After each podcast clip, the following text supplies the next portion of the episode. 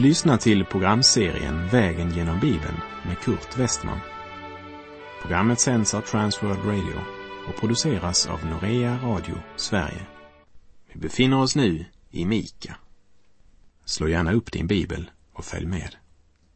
Vi läser från profeten Mika kapitel 6, verserna 9 till och med 11. Hör hur Herren ropar till staden. Den som är vis ger akt på ditt namn. Hör om straffet och vem han är som har bestämt det. Finns det ännu i den ogudaktiges hus skatter som förvärvats genom orätt eller ett alltför litet efamått värt att förbannas? Vore jag rättfärdig om jag tillät orätt våg och falska vikter i väskan. Falskhet, fusk, stöld, bedrägeri, utnyttjande och förtryck, det är gudlöshetens kännetecken. Men eftersom Sverige har blivit ett land och en kultur utan Gud, så har det här blivit vanligt. Att plickfullt utföra ett ärligt arbete, det räknas som dårskap. Men att roffa åt sig på andras bekostnad, snabba klipp, stora pengar utan att svetta för det, det räknas som smart. Girigheten, ja, den kallar man för att se om sitt hus. Bedrägeri kallar man för affärsmässig intelligens. Men allt det här, det står under Guds förbannelse. Och det värsta är att mammons och världens filosofi har trängt helt in i den kristna församlingen. Vår nations utveckling och Guds profetior närmar sig varandra med kollisionskurs samtidigt som kunskapen om Gud har blivit borta. Vore Gud rättfärdig om han tillät allt detta? Gud har skapat korna, men människorna har pressat fram kogalskapen. Drogmissbruket ökar medan kristenheten har börjat tala om måttlighetsdrickande. Och äktenskapsupplösningen florerar nästan lika mycket i församlingen som i samhället i övrigt. Stora delar av världens befolkning dör av svält och det handlar inte längre bara om en eller annan plats som drabbats på grund av krig, utan svälten har blivit konstant och växande. Medan största problemet i andra länder är hur man ska kunna gå ner i vikt och vad man ska ge i julklapp till de som redan har allt. Hur ska man kunna smita undan skatten? Hur ska man kunna sälja en vara till det dubbla priset av vad den egentligen är värd? Hur ska jag bäst kunna utnyttja mina medmänniskor? Hur ska jag vinna mig mer och mer av denna världens rikedom, ära, berömmelse och makt? Miljarderna rullar när reklamindustrin övertygar oss om allt som vi måste ha för att få den rätta image och kunna glänsa över andra. Självliv och självförverkligande står i centrum. Människan har tagit Guds plats och lögnen har tagit ärlighetens plats. Och Herren frågar genom profeten Mika. Vore jag rättfärdig om jag tillät orätt våg och falska vikter i väskan? Många av de som kom till templet bar fram sina offer och genomförde sina religiösa yttre ritual och ceremonier och menade att de var ärliga och älskade barmhärtighet. Men vad gjorde de under veckans övriga dagar? Man fuskade med vikten när man sålde och köpte. Man var giriga och egoistiska baktalade, ljög och svek. Och mitt i allt det här menade man sig tillhöra Guds folk. Vore jag rättfärdig om jag blundade för allt detta, undrar Gud. Vi läser Mika 6, vers 12 och 13. Eftersom de rika i staden är fulla av våld och de som bor där talar lögn och har en falsk tunga i sin mun, måste jag slå dig med sår som inte läks och lägga dig i ruiner för dina synders skull. De rika i staden, de som ägde det mesta och hade makten, var lögnare, bedragare och giriga. Du kunde inte lita på dem. Är det inte en träffande bild på Sverige idag? Med den skillnaden förstås att oärligheten har spridit sig även till det som har mindre. Det som har, har till stor del vunnit sig sin rikedom på andras bekostnad. Och det som inte har, det tar. Stöld är så vanligt att ett inbrott beskrivs med några få rader. Och för några dagar sedan så besökte jag ett äldre par som hade haft fem inbrott i sin lägenhet på ett halvt år. Vi kan inte tro på det vi läser i tidningarna eller ser på tv. Speciellt inte när det gäller nyhetsförmedlingen från Israel. Vi kan inte lita på våra politiker oberoende av vilket parti de företräder. Samtidigt som jag måste säga att det finns några undantag. Och undantaget, det beror inte på partitillhörighet, men på den enskilda politikerns personliga moral. Men i de allra flesta tillfällen så är det de så kallade småspararna som får betala biljetten. Så var det i Israel på Mika tid. Och Gud hade registrerat det. Men eftersom det hade pågått så lång tid så började många bedragare tro att de skulle komma undan syndens konsekvens.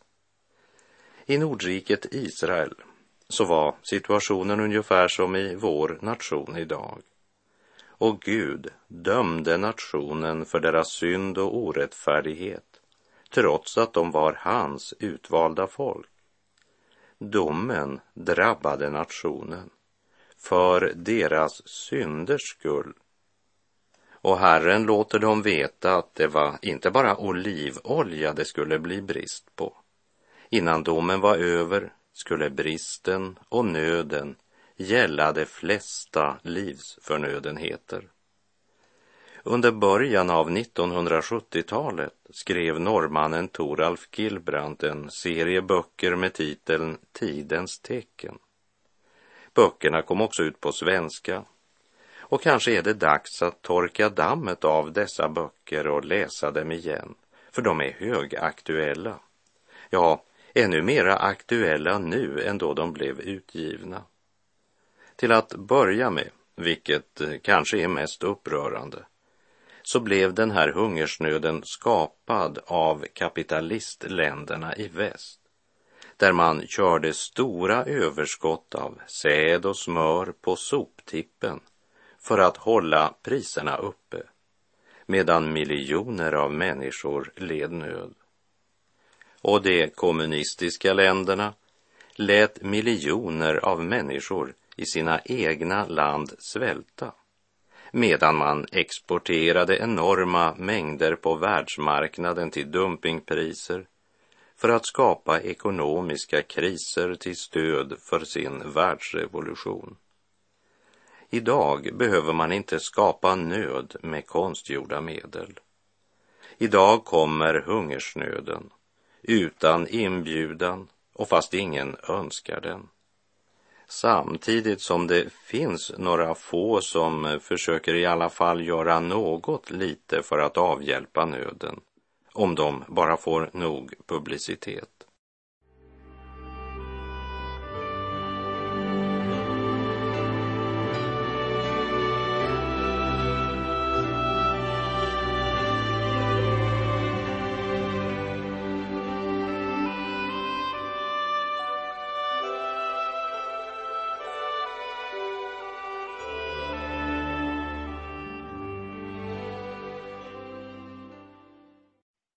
När vi kommer till Mika kapitel 6, vers 14 så uppenbarar Herren genom profeten Mika konkret vad de snart ska måste skörda som en konsekvens av sina synder och sin orättfärdighet. Vers 14. Du skall äta, men inte bli mätt. Hunger skall plåga dig. Vad du skaffar undan skall du inte kunna rädda, och vad du räddar skall jag ge åt svärdet. Gud låter dem veta att det snart ska komma en tid då de inte längre ska kunna njuta av all denna överflöd och alla nöjen som de byggde sin trygghet och sin glädje på. Du ska äta men inte bli mätt. Det talar inte bara om mat och att kroppsligt bli mätt. Men de ska inte längre kunna finna någon tillfredsställelse i sina liv. Deras vardag ska präglas av tomhet och meningslöshet.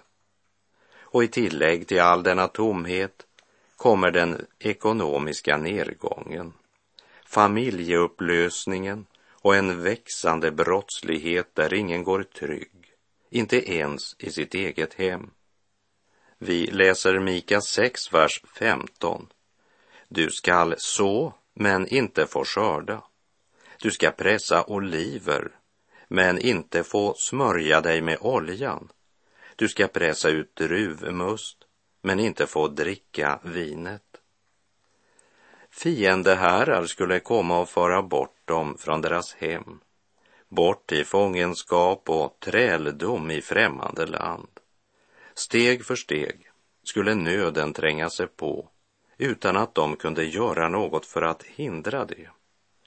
Gud hade kallat på dem, men de ville inte lyssna till honom. De hade en gång haft valmöjligheten och då valde de att vända Gud ryggen. De valde synden, självlivet och egoismen. Men nu, nu har de inget val. Nu måste de möta syndens dystra konsekvens, vare sig de ville det eller inte. Israel hade fortfarande templet, massor av präster, religiösa ritual och religiös verksamhet. Men de var långt borta från Herren. Det var fusk och oärlighet, svek och självisk njutning som präglade både de politiska ledarna, de andliga ledarna och den allra största delen av folket.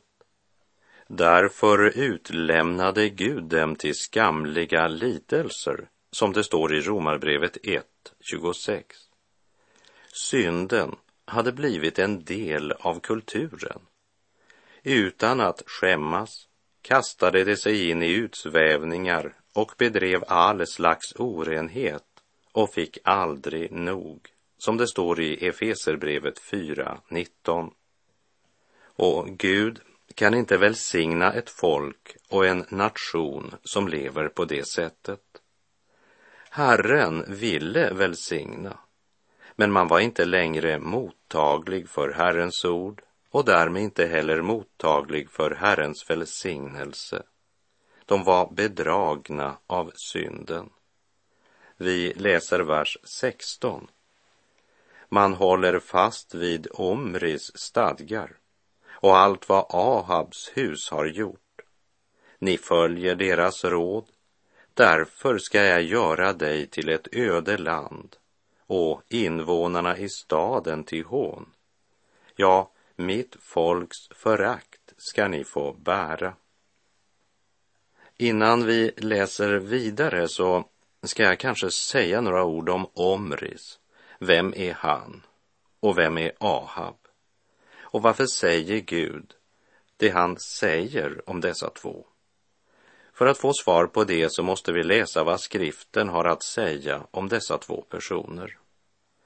Politiker, företagsledare, multinationella IT-företag, lokala makthavare och organisationsledare borde studera de böcker i Gamla testamentet som beskriver en liknande tid.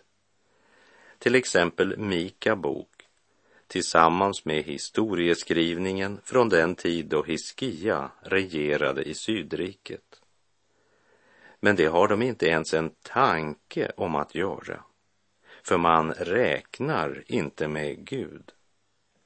Men om vi nu vänder oss till Första Kungabok så kastar den ljus över den här versen i Mika 6.16. Omri var en av kungarna i Nordriket. Han var en av de värsta kungar de haft. Efter Ela kom Simri till makten genom en sammansvärjning, men han regerade bara i sju dagar i Nordriket. Efter Simris död var det Omri och Tibni som var rivaler om kungatronen. Och i Första Kungabok 16, vers 21 och 22 läser vi följande. Nu delade sig Israels folk i två hälfter. Den ena hälften av folket följde Tibni, Ginats son, och ville göra honom till kung, medan den andra hälften följde Omri.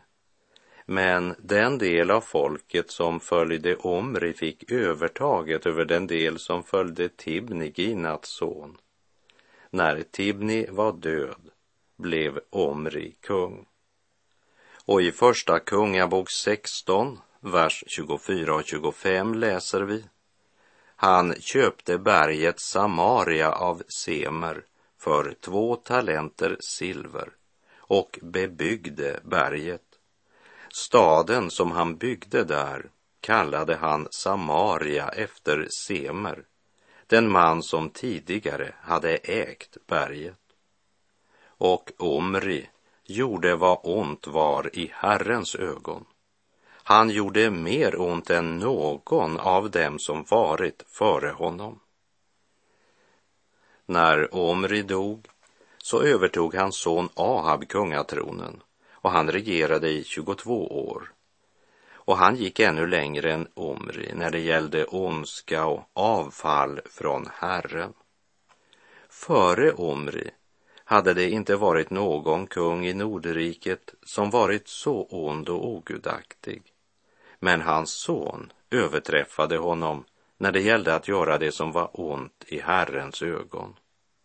I Första Kungabok 16, vers 30 till och med 33 läser vi. Men Ahab, Omris son, gjorde vad ont var i Herrens ögon, mer än någon av dem som varit före honom. Och som om det inte var nog att leva i Jerobeams, Nebats sons synder, tog han också till hustru Isabel, dotter till Etbal, Sidoniernas kung, och gick bort och tjänade Bal och tillbad honom. Han reste ett altare åt Baal i Balstemplet som han hade byggt i Samaria. Dessutom lät Ahab göra Aseran. Ja, han gjorde mer för att väcka Herren Israels Guds vrede än någon av de kungar som varit före honom. Det är bakgrunden för att Herren använder Omri och Ahab som exempel när han på Mika tid ska beskriva situationen. Man håller fast vid Omris stadgar och allt vad Ahabs hus har gjort. Ni följer deras råd, därför ska jag göra dig till ett öde land och invånarna i staden till hån. Ja, mitt folks förakt skall ni få bära.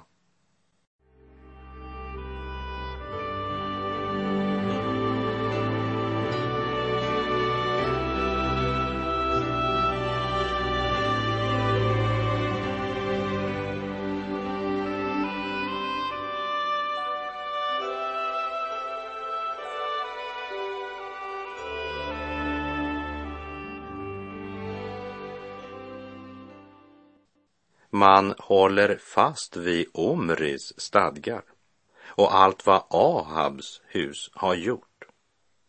Istället för att följa Herrens stadgar så följde de Omris och Ahabs stadgar.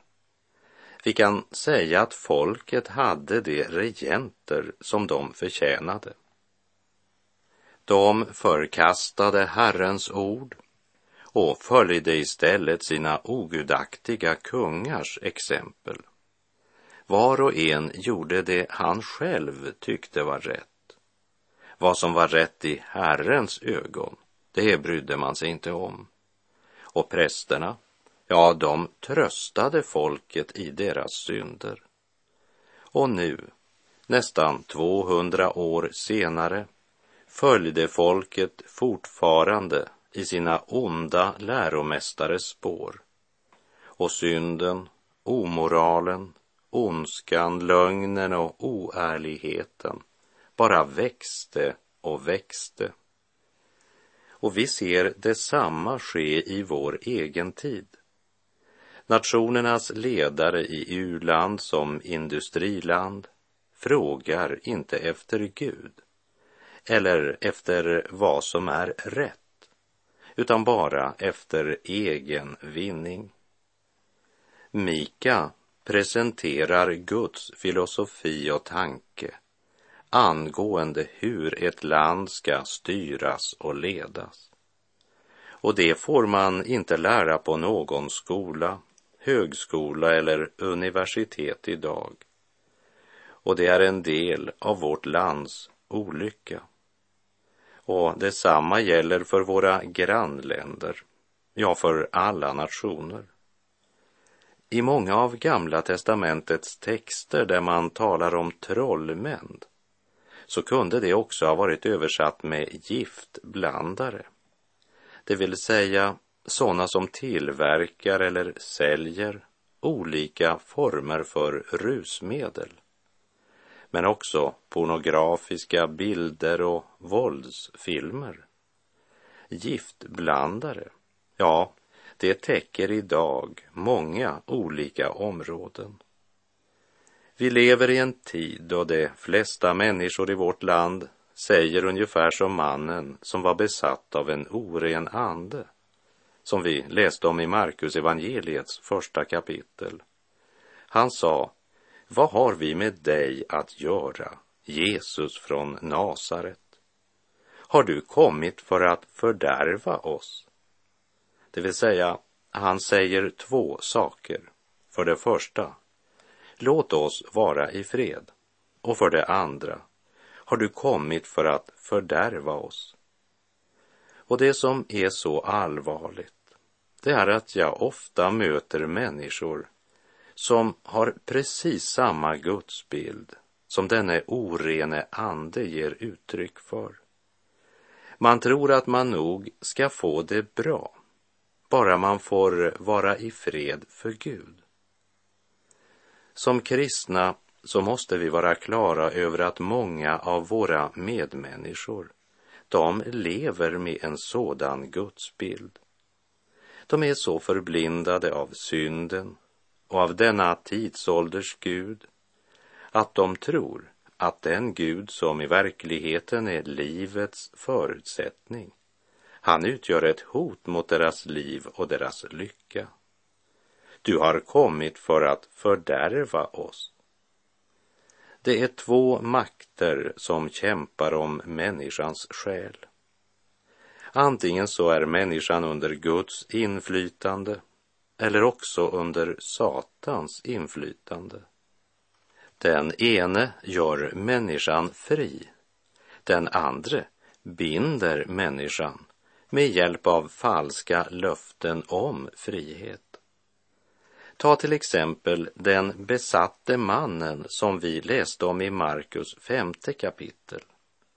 Slå gärna upp Markus kapitel 5 efter programmets slut och läs de 20 första verserna.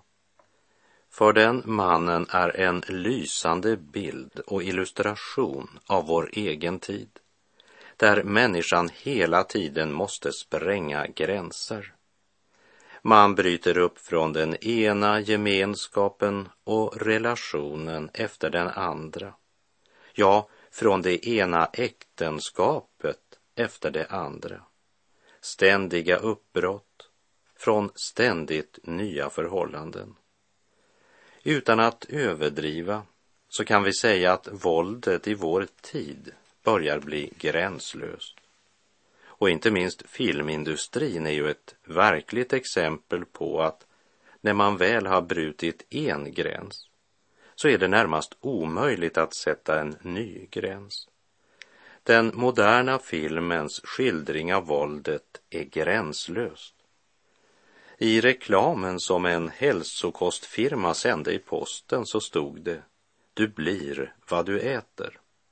Och vi skulle kunna säga du blir vad du läser, vad du ser, vad du fyller dig med. När du bryter en av de gränser som Gud har satt så krossar du också något i ditt eget liv. För Nordriket Israel hade två ogudaktiga kungar visat vägen och folket, ja, de följde villigt i deras spår.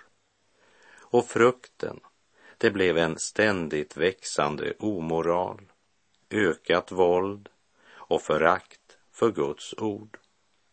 Och som jag sa, nästan 200 år senare så fortsatte man på denna syndens och mörkrets väg. Men genom profeten Mika sätter Gud konkret namn på deras väg och livsstil.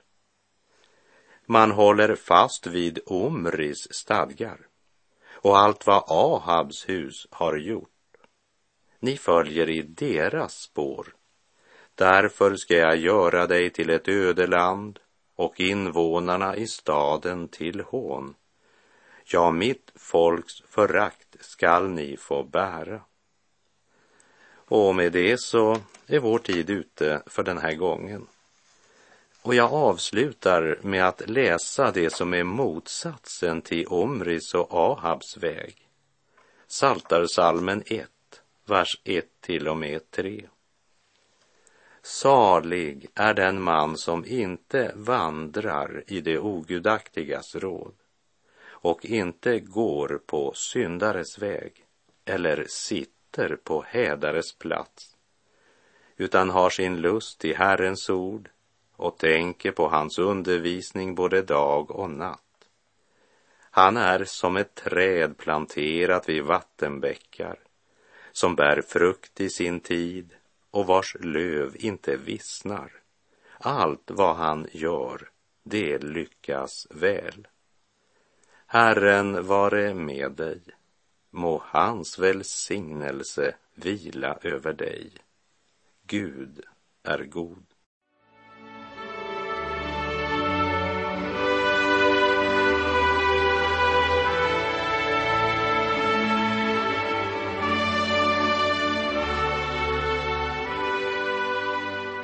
Du har lyssnat till programserien Vägen genom Bibeln med Kurt Westman som sänds av Transworld Radio.